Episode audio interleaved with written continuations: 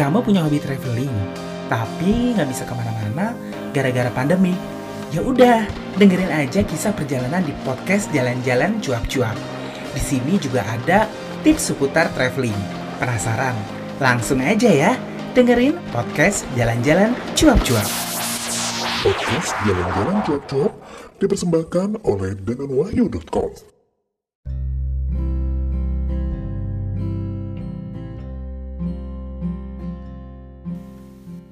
Assalamualaikum warahmatullahi wabarakatuh. Selamat pagi, siang, sore, dan malam. Di mana pun kamu berada dan pastinya masih barengan saya dengan Danan di podcast Jalan-Jalan Cuap-Cuap. Dan kali ini aku tuh bakal ngomongin perjalanan ke Myanmar. Wah, Myanmar itu merupakan salah satu negara yang ada ada di Asia Tenggara Yang dulu kalau masuk negara ini kita mesti pakai yang namanya visa karena memang negara ini tergolongnya baru kali ya gitu. Terbuka dengan umum. Dan akhirnya ya udah setelah proses sekian lama kita bebas visa deh masuk negara Myanmar. Gitu ternyata negara ini menyimpan banyak keunikan. Salah satunya adalah kota Bagan yang dikenal sebagai kota seribu candi sejuta kali ya kalau dulu kan Thailand tuh seribu tempel, ini lebih banyak lagi candinya dan tempelnya gitu. Dan itu rasanya ngelihatnya tuh indah banget ya. Oke, jadi gue melewati perjalanan ini di tahun 2017. Kenapa gue bisa bertutur dengan sangat lancar? Karena gue punya catatannya di blog dan itu lumayan lengkap. Sebenarnya ini nggak sengaja perjalanannya, jadi kan ceritanya gue dengan temen gue nih hunting tiket gitu dan akhirnya kita dapet lah yang 820 ribu dari Kuala Lumpur sampai Yang On dengan Air Asia ya pastinya. Nah udah itu adalah ya drama-drama kita ketinggalan pesawat. Lo bisa dengerin di episode gue ketinggalan pesawat. Gue nggak akan cerita lagi di sini nanti kalian bosen. Nah, jadi ini sebelum melakukan penerbangan dan sebagainya ya kita bikin itin gitu. Jadi kita sebenarnya kan nggak banyak cuti. Jadi perjalanan ini kita sekitar satu minggu. Dan dari sembilan hari perjalanan kita itu hanya tiga malam tidur di hotel atau hostel. Jadi sisanya kita tidur di bis atau tidur di jalan. Sengaja sih dibikin kayak gitu biar hemat budget gitu. Jadi kan uh, kita perjalanan aja dari Batam ke Kuala Lumpur itu kok ngelewatin satu bis ya udah kita tidurnya di sleeper bis gitu. Kemudian ketika nyampe yang on itu kita nginep satu malam. Kemudian malam berikutnya kita pindah lagi ke ke kota yang W itu ya udah kita tidur lagi gitu. Dan ternyata untuk sampai di apa ya di kota-kota berikutnya itu bisnya bagus-bagus sleeper bisnya gitu. Nah jadi just info aja untuk kamu mungkin yang kalau mau cari bis itu kan kalau kita yang bis-bis untuk destinasi di Malaysia gue biasanya pakainya red bus gitu. Kenapa sih penting banget dipesan? Karena kadang kalau nggak dipesan kita bisa kehabisan seat gitu apalagi kalau high season itu tips yang pertama. Nah kalau di Myanmar sendiri gue akhirnya sempet sih kemarin buat googling yang namanya aplikasi namanya BNFS Express.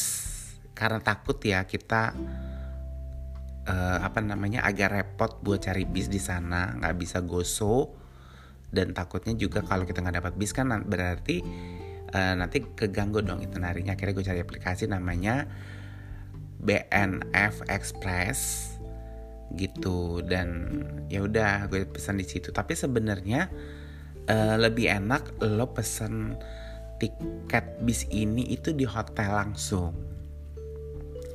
Jadi selain lebih murah dia tidak menetapkan fee tambahan.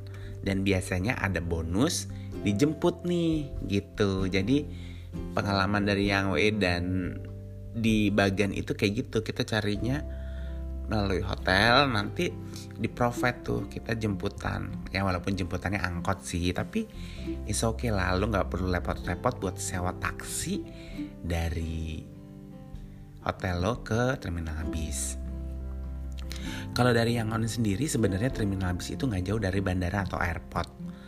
Tapi masalahnya jangan lo berpikir bahwa terminal bis yang ada di yang on itu kayak di Malaysia terintegrasi pada satu bangunan.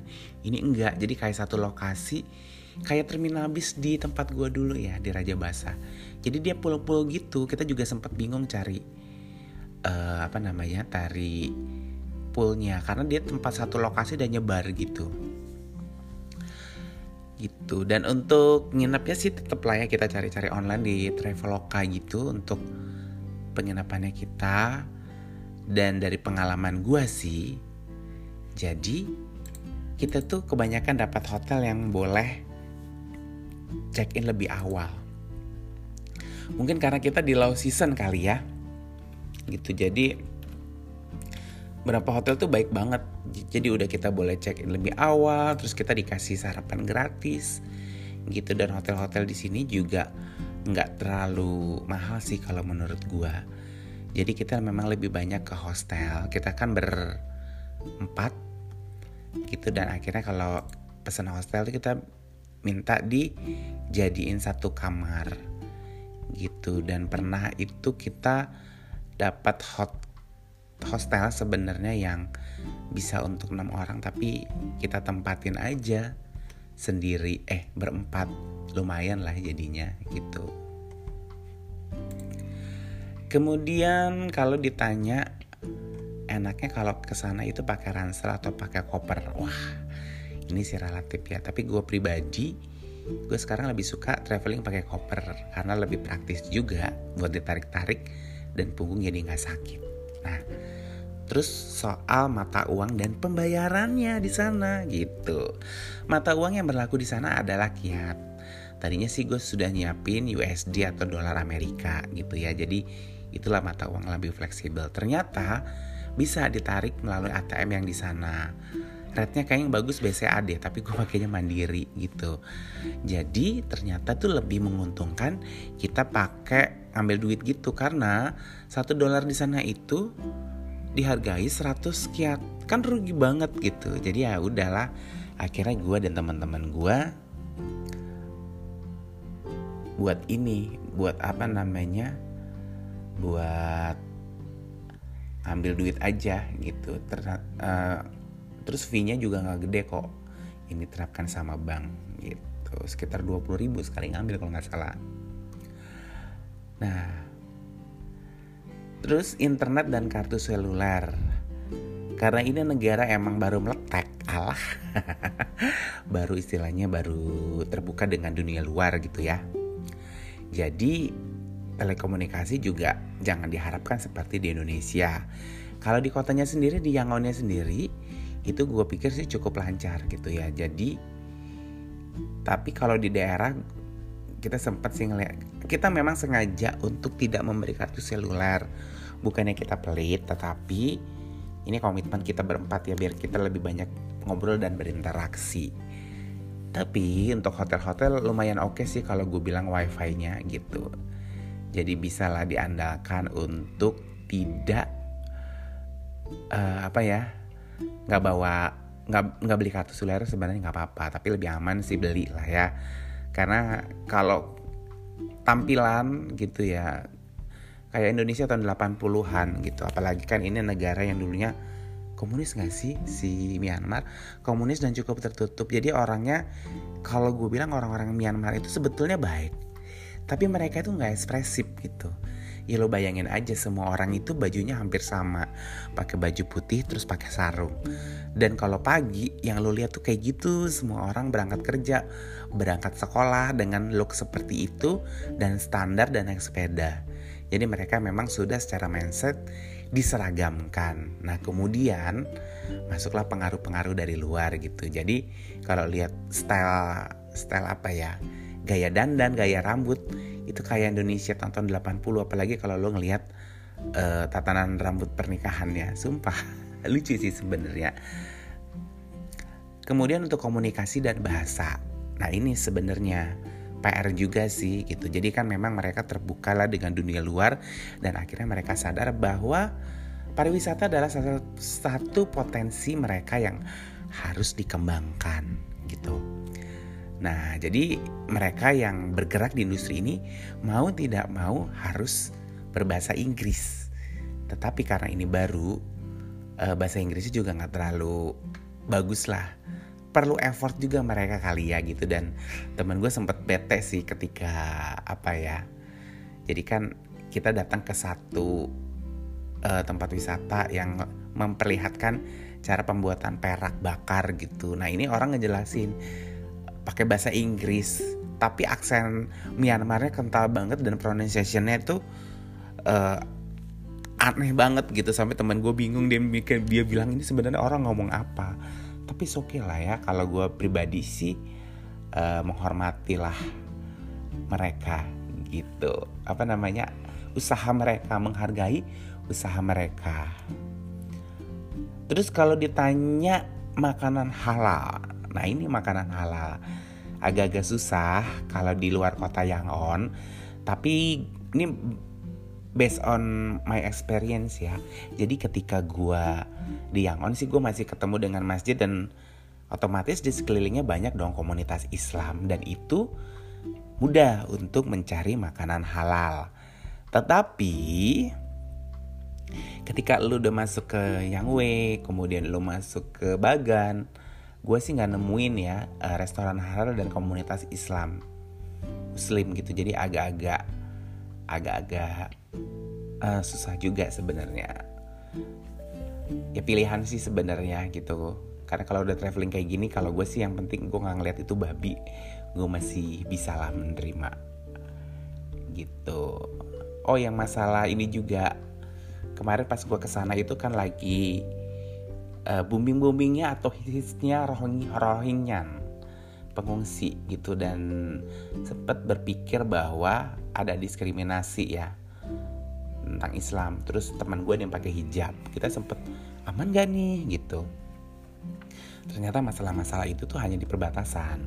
Ketika lo di kota lo di bagian ya itu nggak masalah lo pakai hijab gitu. Jadi lagi-lagi nih kita jangan terlalu percaya dengan apa yang ter, eh, ter terlihat dan terdengar dari media. Makanya itu kamu butuh traveling karena sebenarnya apa yang kamu dengar melalui media orang lain apa pun itu berbeda dengan kondisi aslinya dan ketika kamu datang ke sana itu akan memberikan pengalaman atau experience yang baru pastinya. Gitu. Terus transportasi umum gimana di sana? Jadi transportasi umum sih kalau di Yangon tuh naik bis yang masih 2000 rupiah gitu. Terus taksi juga kayaknya nggak mahal-mahal amat lah ya. Oh yang mahal di ini di Bagan. Jadi memang kayaknya agak diketok ya. Jadi kan bis itu nyampe Bagan tuh pagi sekitar jam 4 jam 3 nah sebenarnya jarak ke hotel itu deket nih dari dari terminal gitu. Cuman karena memang kebanyakan naik bis itu adalah turis-turis diketok harganya gitu dan beneran deh itu apa namanya masa untuk jarak 6 sampai 7 km diminta 200 ribu rupiah ya berempat kita tentu aja nggak mau teman gue agak emosi. Dan akhirnya kita ngelesnya biar nggak cuman kita berempat tapi beberapa turis akhirnya kita milih nongkrong di warung kopi sampai siang. Harapannya sih nunggu angkot gitu. Tapi ternyata kayaknya angkotnya nggak ada tapi otomatis harganya turun dari 200 ribu rupiah sampai 100 ribu rupiah aja ya. So okay lah ya. Gitu. Dan nah ini yang jadi PR adalah bukan PR sih e, masuk ke wahana gitu. Jadi ternyata untuk orang asing harganya lumayan mahal. Jadi kayak kamu untuk masuk kawasan Bagan itu langsung dikenakan 20 dolar USD berapa ya? Sekitar mungkin dolar berapa sih? Gue udah lama ngambil dolar. Hampir 300 ribu lah ya gitu. Ya secara look sih kita uh, mirip orang mirip orang Myanmar. Kalau lo mau nyamar. Tapi kalau lo ngomong bingung kali ya. Gitu. Jadi sih kita sempet yang itu di Swadagon ya kalau nggak salah. Kayak gitu sih karena kan memang ada acara keagamaan udah itu kita juga pada pakai longji. Ya udah kita itu disangkain orang lokal gitu. Nah untuk belanja dan souvenir ternyata Bagon tuh seru banget Myanmar itu seru banget. Kalau di Yangon itu kan ada Aung San Market tuh terkenal. Nah kita sebenarnya mau belanja di situ di hari terakhir. Tapi sayangnya itu hari Senin dan pasarnya tutup gitu. Jadi teman-teman gue yang udah terima pre-order uh, apa namanya nggak bisa belanja gitu. Dan ini juga sebenarnya longji. Jadi kan kalau kalian Hasana itu adalah longji dan longji itu ternyata di setiap daerah itu beda-beda motifnya gitu. Dan yang terkenal dari sini adalah beragam jenis batu-batuan gue gak nyesel sih sebenarnya nggak belanja banyak batu-batuan karena memang murah karena kemarin itu kata temen gue kalau di Aung San Market itu untuk kayak gelang-gelang batu itu sekitar 20 ribu dan itu batunya asli gitu. Di bagian juga gue sempet belanja juga sih. Dan nyesal gitu. Kenapa? Pertama sih pertimbangannya uh, malas ya berat ya kalau batu gitu. Tapi kok setelah dipikir-pikir ke sini agak-agak nyesel gitu.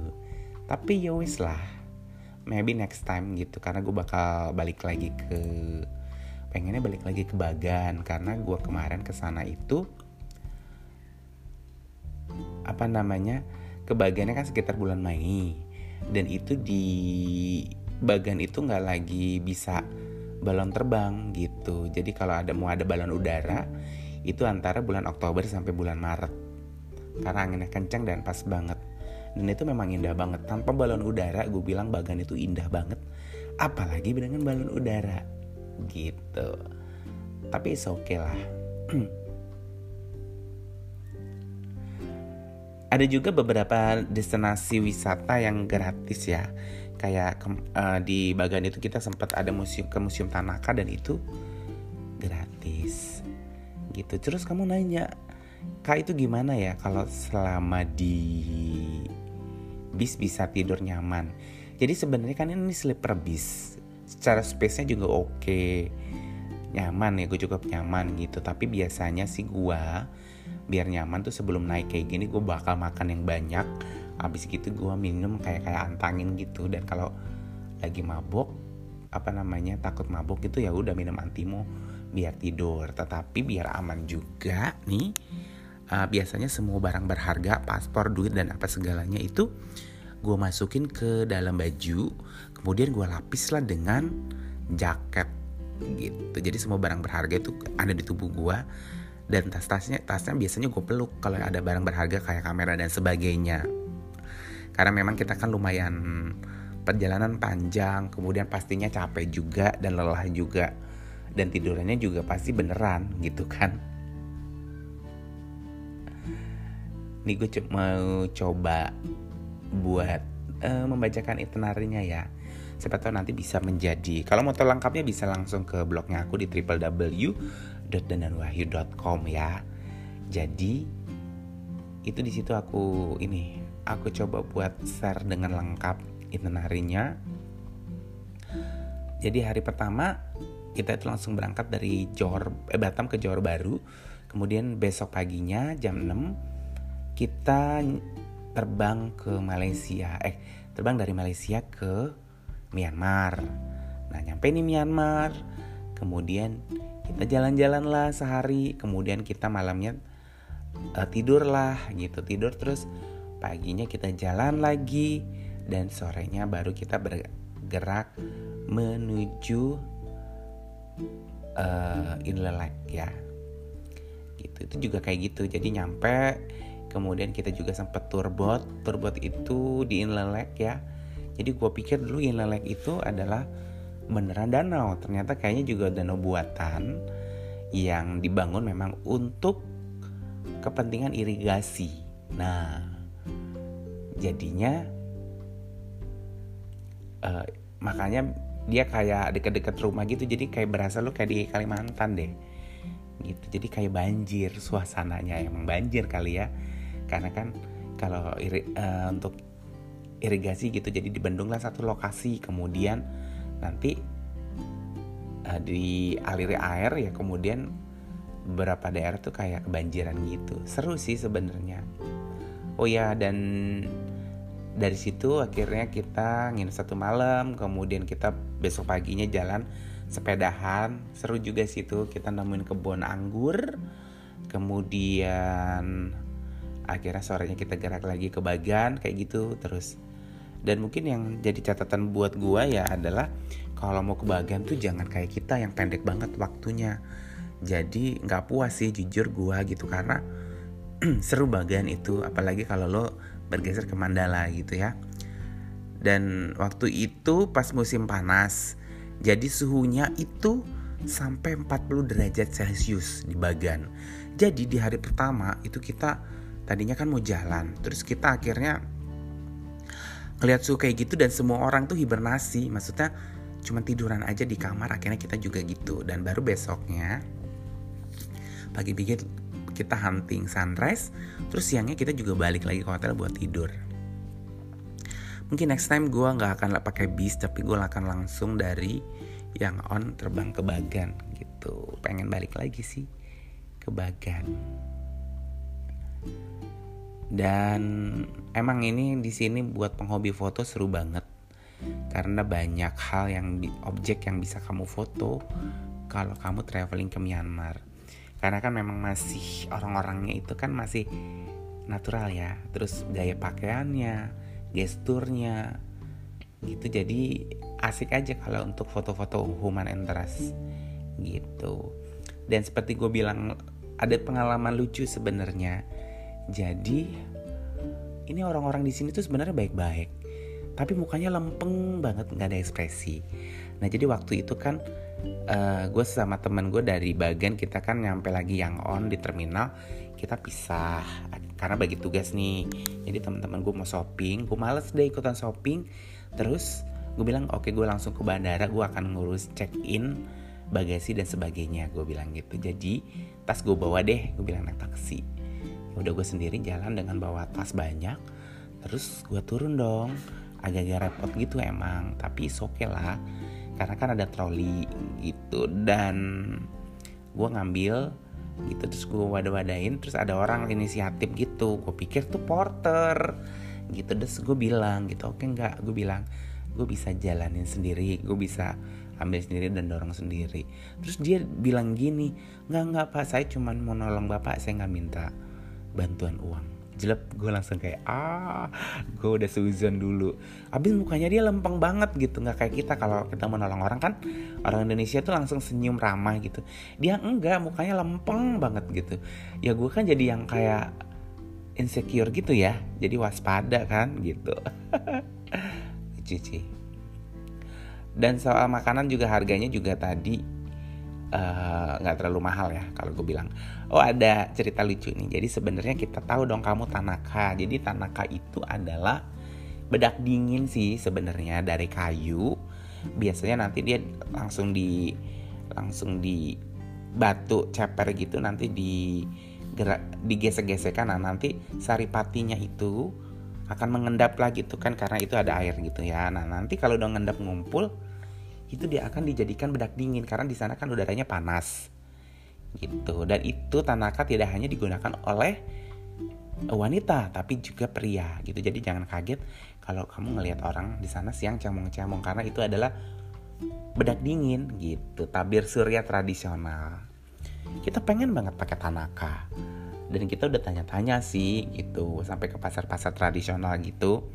Ternyata memang nggak nggak banyak orang yang jual ini. Karena sebenarnya ini kan ada kayu lo bisa ambil terus lo bisa gerus gitu. Dan masalahnya kayunya lo bisa dapat lo nggak nggak tahu nggak gerusnya di mana gitu. Ya udah akhirnya kita keliling lah. Waktu di bagian tuh dapatlah kita ke warung. Ternyata ada bentuk instannya dan itu harganya murah. Hanya 5000 sampai 10000 rupiah saja ya udah kita sempat foto-foto akhirnya pakai Tanaka. Gitu. Dan kemarin kita juga sempat ada kayak festival ya. Gue nggak tahu sih. Oh festival ini. Jadi biasanya uh, gue pikir tuh kayak sunatan ternyata bukan. Ini jadi anak-anak ya kalau anak-anak di sana itu yang udah agak-agak gede kan mereka harus uh, belajar agama atau ditabiskan lah ya Nah itu kan ada prosesinya, biasanya ada kayak pawai-pawainya gitu. Jadi jadi di urutan pawai-pawainya itu ada istilahnya laki, perempuan, kemudian ada kaum transgender gitu. Jadi kayaknya di ajaran mereka itu kayak Thailand gitu. Jadi mengakui keberadaan uh, transgender ini itu. So far sih menurut gue uh, Myanmar itu menyenangkan lah gitu. Pengen balik lagi sih next time kalau ada waktu dan ada uang. Dan pastinya pengen lebih lama di Bagan lah gitu. Karena gue suka banget dengan suasananya. Jadi sekitar 9 hari itu kita habis sekitar 3 juta setengah dan itu udah termasuk belanja ya gitu. Belanja longji. Gitulah tipsnya. Tuh kamu mungkin yang mau bertanya kamu bisa ngulik-ngulik blognya aku di dananwahyu.com atau mungkin mendm aku melalui media sosial di Instagramnya atau di Twitternya gitu. Atau bisa langsung mengemail di natar.city at gmail.com gitu guys Guys terima kasih ya untuk kamu yang sudah menyimak podcast. Semoga ini bisa memberikan inspirasi kamu untuk traveling karena traveling itu yang akan pengalaman traveling yang akan mendewasakan ya gitu. Dan kalau ada kata-kata yang kurang berkenan, Danan minta maaf dan akhir kata Danan dari podcast Jalan-Jalan Cuap-Cuap mengucapkan wassalamualaikum warahmatullahi wabarakatuh.